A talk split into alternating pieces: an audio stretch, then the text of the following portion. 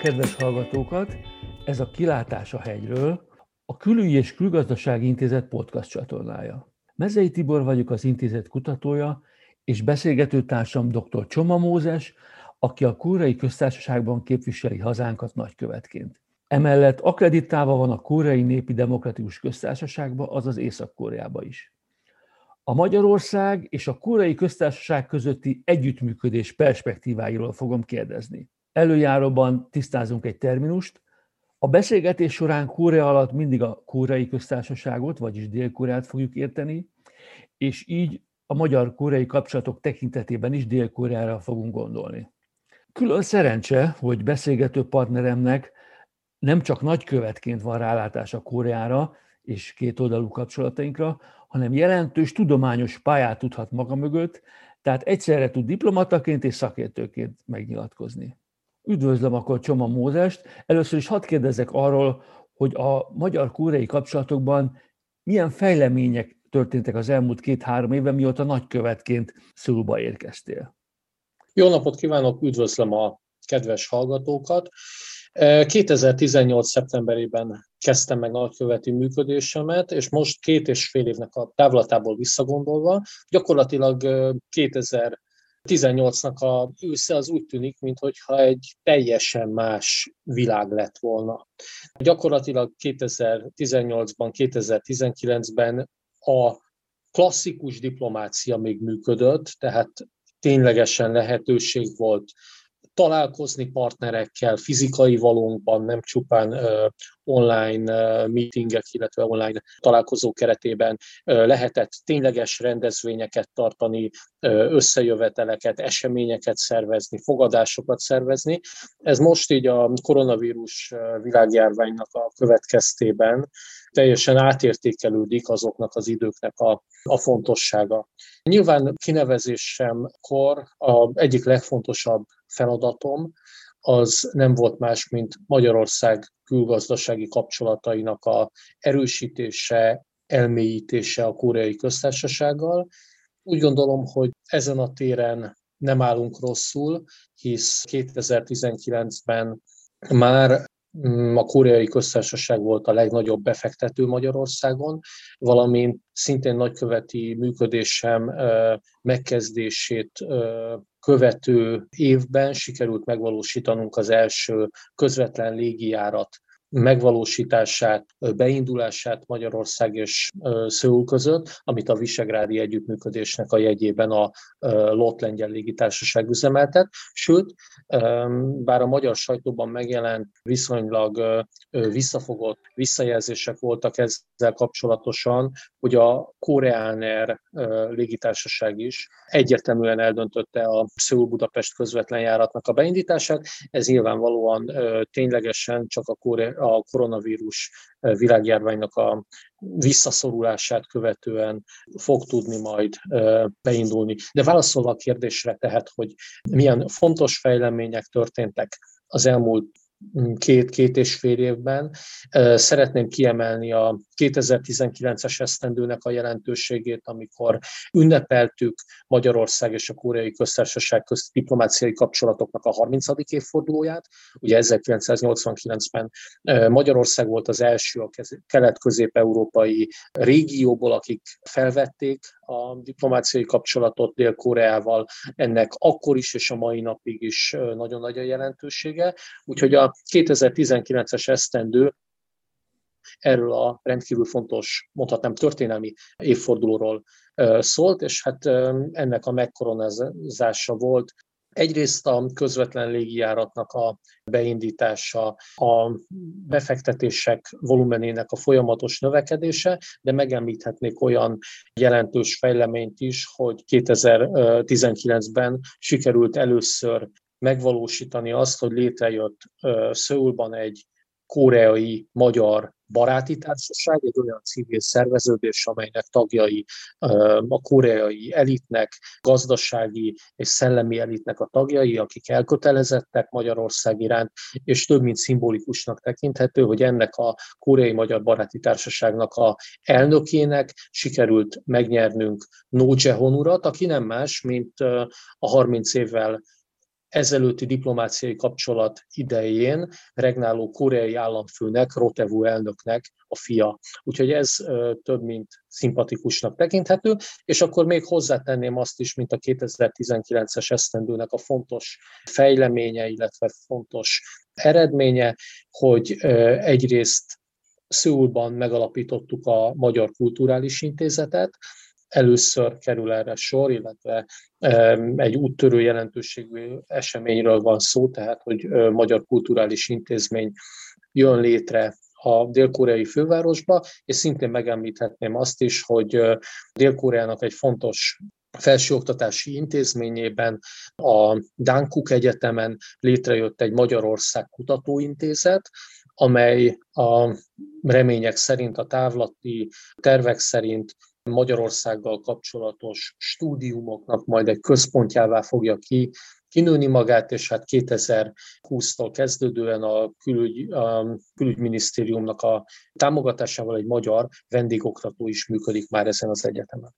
Említetted, hogy 2019-ben a diplomáciai kapcsolatok felvételének a 30. évfordulát is ünnepeltük, és hogy ez milyen jelentős évforduló volt mind magyar, mind koreai részről. Nézzük a koreai részt. Milyen Magyarország renoméja Koreában? Hogy látod? Milyen az országképünk? Én úgy gondolom, hogy nagyon sok koreai ismeri Magyarországot, rendkívül sok koreai nak vannak személyes tapasztalatai Magyarországgal kapcsolatosan, tehát nem csak a magyar kultúráról, a magyar kultúrának a nagyságairól hallott, elsősorban itt mondjuk a komoly zenére, komoly zenei alkotásokra, a zeneszerzőkre gondolva, hanem személyesen el is látogatott Magyarországra. Nyilván Magyarország megismertetése szempontjából nagyon nagy szerepe van a különböző filmeknek, egyre gyakrabban fordulnak elő koreai filmszínházakban, sőt koreai tévécsatornákon is egyes magyar filmek. Nyilván a koronavírus világjárványnak a kezdetét megelőzően lehetett tényleges vetítéseket is tartani különböző filmszínházakban, lehetett rendezni is ilyen jellegű eseményeket, eseményeket. A 2020-as év során a lehetőségek azért korlátozottabbak voltak, de én úgy gondolom, hogy Magyarországnak a renoméja mindenképpen nagyon jó. A koreaiak azt is tudják, hogy Magyarországon egyrészt a geopolitikai elhelyezés, másrészt az országnak a stabilitása, harmadrészt az országnak az infrastruktúrális fejlettsége nagyon kedvező környezetet biztosít a koreai cégeknek a működéséhez, úgyhogy tökéletesen tisztában vannak a koreaiak azzal, hogy gyakorlatilag ebben a régióban Magyarország egy kiemelt partnere az országnak, és akkor lehet még említést tenni arról is, hogy azért a koreaiak tudtában vannak annak, hogy a mi gyökereink is Ázsiában keresendőek, nagyon sok olyan közös dolog van, ami összeköt minket a koreaiakkal.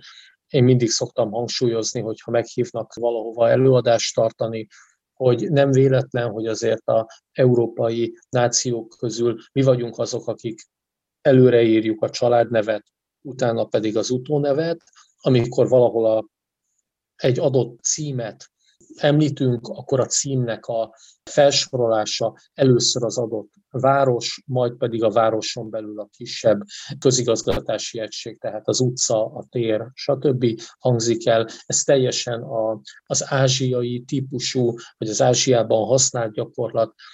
Ez is egy olyan típusú példaként említhető, ami a koreaiak számára a, a közös eredetet, az ázsiai gyökereket eredményezi. És Magyarország szempontjából milyen lehetőséget látsz, hogy, hogy mi lehet számunkra fontos a, a Koreával való együttműködésben, és a Koreával való együttműködés hogyan illeszkedik a magyar Ázsia politikában, véleményed szerint? Magyarország szempontjából azt kell tudni, hogy Korea, Dél-Korea egy olyan nagyságrendű, olyan kaliberű ország, amely a lehető legjobban tud Magyarországnak a partnere lenni. Kína egyértelműen egy nagy hatalom, tehát mások a dimenziók. Japán is egy picit más dimenzió, kategóriában, mint, mint a koreai köztársaság. Ugyanakkor terület szempontjából is mindenképpen nagyon sok párhuzam hozható fel Magyarország és Korea között. Én úgy gondolom, hogy nagyon sok példaértékű dolog van, ami Magyarország számára hasznos lehet, hiszen hogyha megnézzük Dél-Koreának a fejlődését az 1960-as évek közepétől a ezredfordulót követő évekig, akkor nagyon sok minden olyan modellértékű dolog van, ami hasznos lehet Magyarország számára. Nyilvánvaló, hogy a koreai cégeknek Magyarországnak a geopolitikai elhelyezkedése, uniós tagsága, politikai stabilitása, a kedvező gazdaságpolitikai környezet mind-mind nagyon vonzó. Magyarország számára pedig nagyon vonzó az, hogy Korea olyan ipari fejlettséggel, ipari kapacitásokkal, illetve kutatásfejlesztéssel rendelkezik, amelyek összekapcsolhatóak nem csupán a magyar gazdaság kívánalmaival, hanem összekapcsolhatóak a magyar szürkeállomány által termelt javaknak a felhasználásával, későbbiekben a gazdaságba való átforgatásával is. Ugye többször elhangzott már, és ez a célkitűzés az általános, hogy magyar szempontból eh, nagyon fontos, hogy nem kizárólag olyan cégek legyenek Magyarországon, amelyek csupán termékeket állítanak elő, hanem a termékeknek az előállítása során legyen magyar hozzáadott érték is. Tehát a magyar szürkeállománynak, magyar szellemi termékek bekapcsolódhassanak ebbe a dologba. Én úgy gondolom, hogy itt elsősorban a kutatásfejlesztés révén lehet kapcsolódási pontokat találni, és hát fontos megemlíteni, hogy hát az elmúlt évek során azért nagyon sok kezdeményezés ezzel kapcsolatosan már elindult, amire büszkék lehetünk. Említetted, ugye a kutatásfejlesztés terén van még számos lehetőség a kétoldalú együttműködés fejlesztésére. Most a politikai és a gazdasági kapcsolatok mellett, amiről már beszéltünk, milyenek az oktatási, illetve a kulturális kapcsolatok, ugye ez szorosan összefügg a, a, a kutatásfejlesztés témájával, és akkor vegyük már bele, hogy most nagyon divatos dolog ez a people-to-people kapcsolatok építése. Ezen a téren hogy állunk, és szerinted hogy lehetne még tovább lépni ezeken a területeken? Nem egyszerű a kérdés, amit feltettél, mert pont az elmúlt év, tehát a 2020-as év hozott egy nagy változást, a keretek változtak meg a világjárvány következtében. Tehát azok a tendenciák, amik kialakultak az elmúlt évtizedek során, például oktatási kapcsolatok, például diákcsere kapcsolatok, az ösztöndíj lehetőségek koreai diákok számára, magyar ösztöndíj, stipendium, hungarikum, ösztöndíj révén megvalósuló lehetőségek, ezek nyilván be vannak most korlátozva. És ez a helyzet, ez nyilván addig, addig marad, amíg nem sikerül hát, változást elérni a, a vakcináknak a bevetése révén. Én úgy gondolom, hogy 2019-ig egyértelműen egy felfelé ívelő pályáról beszélhetünk, tehát mind a koreai diákoknak a Magyarországra utazása, amelynek kapcsán ugye a Stipendium Hungarikum programnak egy hatalmas lehetősége van, mint pedig magyar diákoknak a Koreába utazása révén. Ugye koreai egyetemeken mind masterképzésre, mint pedig doktori képzésre állnak lehetőségre koreai állami ösztöndíj, illetve meg kell említeni azt is, hogy akár már BA szakos diákként is meg lehet pályázni olyan ösztöndíjat, ami nyelvi képzésre, koreai nyelvi ismeretekre ad lehetőséget. Tehát 2020-ban a világjárvány következtében ez az egész egy picit átalakult. Én úgy gondolom, hogy különösen a people-to-people exchange kapcsán egyre növekedni fog különböző online eseményeknek, online konferenciáknak, és hát természetesen online értekezleteknek, személyes találkozóknak a, a jelentősége. Ami a kulturális kapcsolatokat ismeri, illeti, kiemelendő az, hogy, hogy Magyarországnak azért a leghagyományosabb, egyik leghagyományosabb és legkiemelkedőbb exportterméke az nem más, mint a magyar kultúra. Tehát ezzel kell nagyon megfelelően gazdálkodni, és nem véletlen az, hogy 2019-ben megszületett az a politikai döntés, hogy Tokió mellett Szöul lesz az a hely, ahol Magyarország kulturális intézetet nyit meg. Gyakorlatilag a kulturális intézetnek a fő feladata az nem más, mint a hogy a, pu, a puha diplomáciainak az eszközeivel propagálja Magyarországot, megismerteti a magyar kultúrának a széles körülségét, nagyságát, és hát ezáltal hazánkra irányítja koreaiaknak a, a figyelmét. Nyilván én is személyesen is, tehát nagykövetként próbálok mindent megtenni arra, annak érdekébe, hogy éljek a puha diplomáciának a eszközeivel.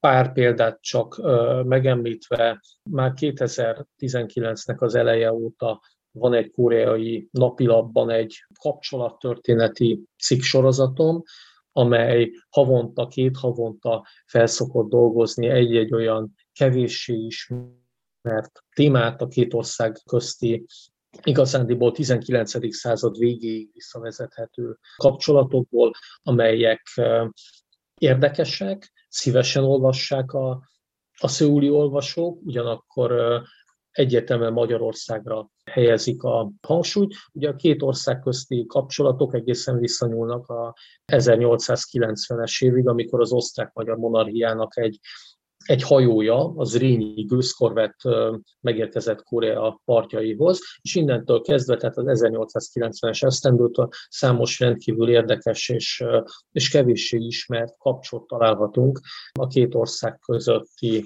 történetben. Egyébként ide itt lehet megemlíteni azt is, hogy a 2019-es év végén egy nagyon nagy sikerű kiállítás sorozatot indítottunk itt el, fotókiállítás sorozatot indítottunk el Dél-Koreában, ami már három várost is végigjárt, Szőult, Incsont és Puszánt, és ennek a kiállítás sorozatnak a témája az nem más, mint az osztrák-magyar monarchiának egy hajóorvosa, Bozóki Dezső hajóorvosnak az archív Koreában készült fényképeit mutatja be, ezek Budapesten a Hopp Ferenc Kelet-Ázsiai Múzeumban maradtak fenn, és a koreaiak számára egy hatalmas érdeklődés övezi, és a hatalmas rácsodálkozással nézik meg azokat a fényképeket, amelyeket nagyvárosaikról, tehát Szőulról, Incsonról és Puszánvárosról készített a 20. század legelején, 1908-ban ez a bizonyos Bozóki Dezső hajóorvos, aki kiváló amatőr fotós volt, és hát ebben a három városban, a várostörténeti múzeumokban sikerült kiállítani ezt a sorozatot, és hát hatalmas sikert váltott ki. Az egyik, tehát Puszánban még jelenleg is zajlik ez a kiállítás. Nyilvánvaló, hogyha járványhelyzet úgy alakul, akkor hasonló jellegű, érdekes és Magyarországra figyelmet irányító rendezvényeket még nagyon sokat szeretnénk csinálni. Azt reméljük itt az intézetben, hogy számos egyetemista hallgatja a mi podcastjainkat, hiszen a podcast ugye a fiatalok műfaja, ezek szerint a magyar egyetemistákat biztatnád arra, hogy jelentkezzenek koreai tanulmányokra, tehát ha jól értek, akkor van erre lehetőség, ha, ha valakit érdekel a koreai kultúra vagy a koreai továbbtanulás.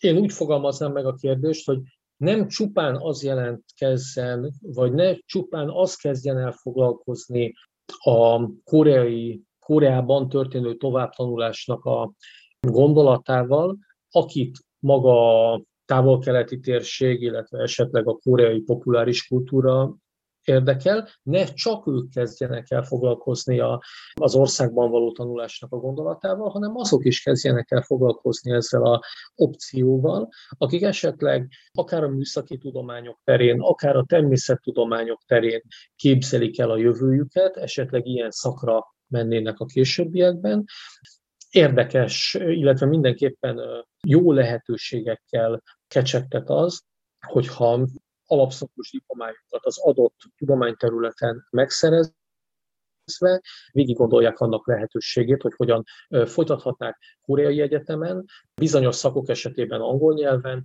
bizonyos szakok esetében viszont nyilván koreai nyelvi előképzettség kell, tehát ehhez akkor Magyarországon azért a nyelvi alapokat meg kell szerezni, erre is van lehetőség, de mindenképpen Koreában történő tanulmányok, illetve az országgal való minél szorosabb együttműködés hatalmas perspektívákat volt magában. Bőven elég arra gondolni, hogy Dél-Korea egy 50 milliós ország, ami potenciálisan azért a távlatilag a félszigetnek a egyesítési perspektíváit is magába foglalva, valamint a tengeren túlon, tehát Egyesült Államokban, Kínában, valamint egykori Szovjetunió területén élő koreai közösségeket is beleszámítva, csak nem összességében 80 milliósnak tekinthető a koreai náció, tehát mindenképpen hatalmas perspektívákat, potenciált hordoz magában az országgal, az ország népével, az ország kultúrájával való megismerkedés, illetve a Dél-Koreában folytatott tanulmányok.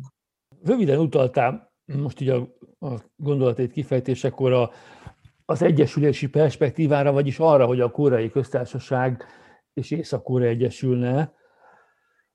Vessük akkor pillantásokat egy pillanatra a koreai félsziget északi részére, Észak-Koreára. 2018-ban nagyon pozitív történéseket láthattunk, a két Korea közti kapcsolatok szinte roham léptékben javultak, és akkor úgy nézett ki, hogy ez az enyhülési folyamat tartós marad. Mi a helyzet most? Így van, 2018 során három csúcs találkozóra is sor került rövid időn belül a két vezető, tehát Moon Jae-in dél-koreai államfő, illetve Kim Jong-un észak-koreai vezető között. Az elsőre még áprilisba került sor, majd pedig a nyáron volt egy nagyon rövid találkozó Panmunjom térségében, illetve 2018. szeptemberében pedig az észak-koreai fővárosban, Penyánban került sor egy találkozóra. Mint ahogy a két vezető első csúcs találkozójukon bejelentette, az év végéig szerették volna formálisan lezárni a, a koreai háborút egy békeszerződéssel, hát mint ismeretes ez nem ö, valósult meg, és meglehetősen nehéz kérdésnek látszik a fegyverszünetet felváltó békeszerződésnek a kérdésköre. Nyilván abból a szempontból is nagyon nehéz, hogyha elképzeljük azt, hogy hogyan nézne ki egy békeszerződés megkötését követően a félsziget két államának a viszonya. Nyilván nagyon nehéz elképzelni azt, hogy Észak-Korea egy idézőjelbe vett normális szomszéd lenne Dél-Korea számára, hogy a két országnak a állampolgárai beutazhatnának akár útlevéllel egymás területére. Az észak-koreai államnak, az észak-koreai rendszernek a működési dinamikáiból adódóan gyakorlatilag elképzelhetetlen az, hogy egyfajta normális szomszédként funkcionálhasson. Bőven elég arra gondolni, hogy a félszigetnek mind a két állama igazándiból a saját szuverenitását a félszigetnek az egészére vetíti ki. Dél-Korea is a félsziget teljes területének, illetve lakosságának az egyetlen letéteményeseként határozza meg önmagát, és Észak-Koreában is úgy gondolják, hogy ők a félszigetnek az egészét képviselik. Az észak-koreai alkotmány úgy fogalmaz, hogy a KNDK fővárosa Szőul, és Penyán csak egy idegenes főváros. Tehát itt alapvetően egy identitásbeli konfliktus van, mind a ketten a félsziget egyetlen letéteményesének tekintik magukat. Ez tulajdonképpen egy nagyon nehezen feloldható konfliktus e-, eredményez, amiből az elérhető maximumnak a békés egy, más mellett élés tekinthető. Én azt megemlíteném, hogy annak ellenére, hogy óriási áttörést azért nem tapasztaltunk 2018 óta, tehát a békeszerződés az ugye nem valósult meg, azért azt nem szabad figyelmen kívül hagyni, hogy egészen mostanáig, ugye most ezt a beszélgetést 2021. február 5-én készítjük, de egészen mostanáig a 2018-as enyhülésnek a megindulásától kezdve Észak-Korea igazándiból nagyobb provokációt nagyobb rakétatesztet, nukleáris próbarobbantást nem hajtott végre, tehát egyértelműen azért az enyhülésnek a, az eredményei azért mindenképpen láthatóak. Ebből a dologból tulajdonképpen kivételt jelent az, hogy 2020-nak a nyarán azért volt egy, egy közepesen súlyos incidens, amikor Észak-Korea elégedetlenségét demonstrálva felrobbantotta azt a kapcsolattartó irodát Keszhangvárosban, amelyet ugye pár hónappal korábban azzal a céllal hoztak létre, illetve pár hónappal korábban még azzal a céllal működött, hogy, hogy kapcsolattartási helyszín legyen a két országrész között. Igazándiból ez egy, ez egy demonstratív esemény volt, tehát, tehát azt mondhatjuk összefoglalva, hogy a 2018-as enyhülés kezdete óta azért súlyos incidensre nem került sor a két ország között. Na hát reméljük ez így is marad. Most lépjünk egy kicsit hátrébb, és nézzük meg a két oldalú kapcsolatokat abban a kontextusban, hogy ugye a koreai köztársaságnak fontos az Európai Unió is. Ugye az Európai Unió tagállamaként Magyarország is szerepet játszhat ebben az Európai Unió és a koreai köztársaság közötti kapcsolatban. Hogyan tekint Korea az Európai Unióra, és hogyan tekint az európai gazdasági kapcsolatokra? Azt kell tudni, hogy a koreai történelem arról szól, hogy nagyhatalmak ütköző zónájában élnek, a nagyhatalmak így vagy úgy kívánják befolyásolni a koreaiaknak az életét. Kína, illetve Japán között volt az ország a, a két ö, nagyhatalomnak a ütköző zónáján, befolyási övezetében nagyon sokáig, illetve még részben a, a mai napig és nyilván az Egyesült Államoknak és Szovjetuniónak vagy Oroszországnak az érdekei ugyanúgy konfrontálódnak a félszigeten. Ebből a szempontból Európa egy nagyon semleges partner, egy olyan partner, akinek igazándiból politikai célja vagy befolyásolási törekvései a koreai félszigeten nincsenek, azt leszámítva, hogy természetesen az Európai Unió is békét és nyugalmat szeretne a, a koreai félszigeten, kiszámíthatóságot. És Dél-Korea számára, tehát a Európai Unió egyértelműen egy, egy nagyon fontos politikai partner, egy olyan partner, aki igazándiból veszélyt nem jelent, vagy fogalmazzunk, fogalmazzunk inkább úgy, kockázati tényezőket nem jelent Dél-Korea számára, és hát az együttműködésben pedig hatalmas potenciál rejlik.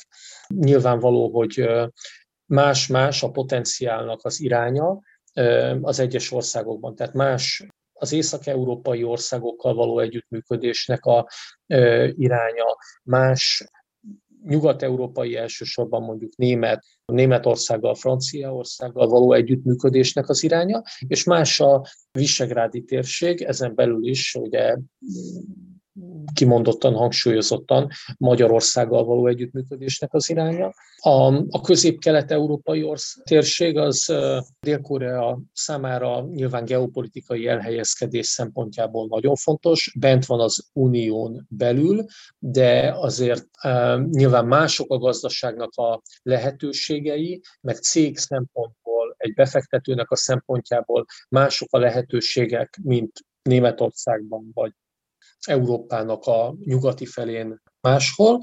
Ugyanakkor különösen Magyarország tekintetében meg kell említeni azt, hogy gyakorlatilag nem tudnak olyan irányba elindulni Magyarországnak a fővárosából, hogy két órán belül valamelyik szomszédos országot ne érnék el, meghatározó részt azt nyilván autópályán, tehát ezek mind, ezek a geopolitikai adottságok, infrastruktúrális szempont, fejlettségbeli adottságok rendkívül fontosak fontosak a dél-koreai döntéshozók számára. Egyébként azt mindenképpen érdemes még megemlíteni, hogy Dél-Koreát a V4-es formáció nagyon érdekli, nagyon aktív figyelemmel követik a, a V4-es formációt.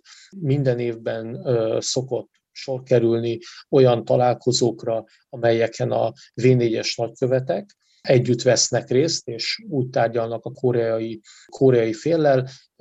Ezeknek a találkozóknak egy része politikai együttműködésről szól, egy része gazdasági együttműködésről szól, tehát szoktak lenni olyan találkozók is, ahol a V4-es nagykövetek mellett ott vannak a térségben befektető befektető koreai cégeknek a képviselői. Nyilván most itt a podcast beszélgetésben túl sok részletbe ezzel kapcsolatosan nem tudok belemenni, illetve nem mehetek bele, de annyit azért hagyj jegyezzek meg, hogy általában amikor ilyen találkozók vannak, akkor nem kell szégyenkeznünk, sőt. Végezetül nézzük meg, hogy pandémia hogyan hatott Koreára. Ugye az a magyar sajtóban is megjelent, hogy kifejezetten hatékonyan kezelték a járványt az elmúlt időszakban. Milyen okokkal magyaráznád ezt az eredményességet? És még az is érdekelne, hogy jelenleg hogy haladnak Koreában az oltási programmal? Hogyha megnézzük a 2020 februárja óta eltelt időszakot, akkor azt láthatjuk, hogy azért vannak hullámvölgyek a világválság, illetve hát a vírus helyzetnek, járványnak a, az itteni kezelésében. 2020-nak a februárjában, tehát amikor kezdődött az egész, akkor volt egy nagyon csúnya megcsúszás Teguvárosban, ez egy vallási szervezethez kötődik, akik az ajánlások ellenére olyan rendezvényeket tartottak, ahol hirtelen nagyon sok fertőzés létrejött, és gyakorlatilag ez ennek a híre, illetve ennek a megvalósulása 2020-nak a az első hónapjaiban, februárban, márciusban sokkolta a dél-koreai közvéleményt, és ez is hozzájárult ahhoz, hogy a lakosság azért nagyon-nagyon fegyelmezetten viszonyult már ezt követően a világjárványnak a kérdésköréhez. Egyrészt fegyelmezetten viszonyultak, másrészt a kormányzat is mindent megtett annak érdekében, hogy a, a lakosság számára a megelőző intézkedések, megelőző lépések azok könnyen végrehajthatóak legyenek.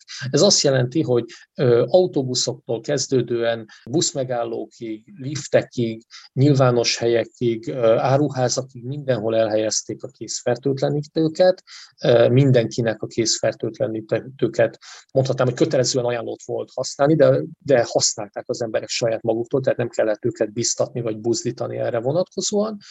Ugyanez a helyzet az arcmaszkokkal kapcsolatosan.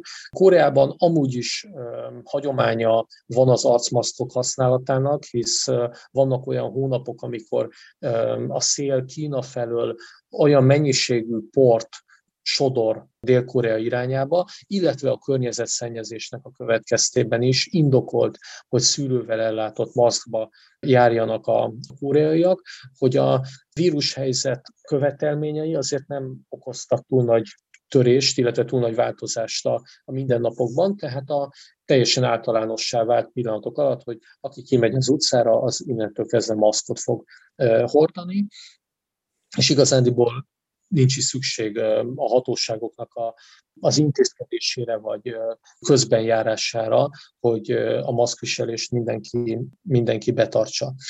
Nyilván az esetszámoknak a, az állandó közlésével, valamint területenként való közlésével, tehát az adott kerületben éppen aktuálisan mennyi, mennyi új fertőzött van, ezeknek a közlésével állandóan napirenden tartják a, a lakosságnak az óvatosságát.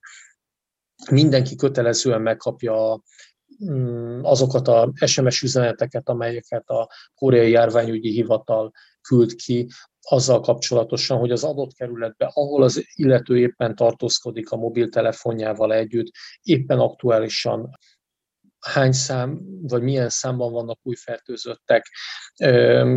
Olyan is előszokott fordulni, különösebb még a járványnak a korábbi szakaszában, hogy azt is közölték az SMS üzenetekbe, hogy merre járt fertőzött, melyik területeken fordult meg esetleg melyik metró megállók, vagy melyik üzletek környékén, és akkor ez nyilván még inkább óvatosságra inti a, a lakosságot. Jelenleg a napi fertőzötteknek a száma az 300-400 között van, a fővárosnak mindegyik kerületében több helyen is elérhetőek tesztelőállomások, ahova bármikor be lehet menni gépkocsival, oda lehet állni, és pillanat alatt elvégzik a tesztet, illetve elküldik utána a teszteredményt. Nyilvánvalóan a külföldieknek a belépését is nagyon szigorúan kontrollálják, és hát úgy néz ki, hogy február során azért megkezdődnek majd, a, majd az oltások is. Azt kell tudni, hogy itt elsősorban azért a Astra Zenekának, illetve a Pfizernek az oltóanyagaira lehet számítani, annak ellenére, hogy ez a sajtóban kisebb visszhangot váltott ki, bár azért megjelent már, hogy az orosz Sputnik vakcinát azt már több mint egy hónapja itt Dél-Koreában licensz alapján gyártják, viszont nem a helyi piacra kerül, hanem innen szállítják Moszkvába. Tehát gyakorlatilag Dél-Koreában is gyár, zajlik már vakcinagyártás, csak egyelőre nem a hazai piacra, és hát úgy néz ki, hogy itt azért elsősorban majd, tehát a AstraZeneca-nak, illetve a Pfizer-nek a termékeit fogják használni, de de nyilván ez egy picit később lesz majd, tehát még egy pár hét, amíg ténylegesen megkezdődik majd a, megkezdődnek majd ezzel kapcsolatosan a, az oltások. Ami a dél-koreaiak számára egy komoly büszkeség, hogy az egyik koreai gyógyszergyár, Celtrio nevű gyógyszergyár viszont kifejlesztett egy olyan típusú gyógyszert, ami magát a betegséget, tehát aki már megbetegedett a koronavírus következtében a magát a betegséget lehet kezelni, és meg lehet akadályozni azt, hogy a betegség az súlyosabb következményekkel járjon. Ennek a gyógyszernek az engedélyeztetése az jelenleg folyamatban van, és hát a koreaiak nagy reményeket fűznek ennek a szernek a elérhetőségével, illetve hát piacra kerülésével kapcsolatosan.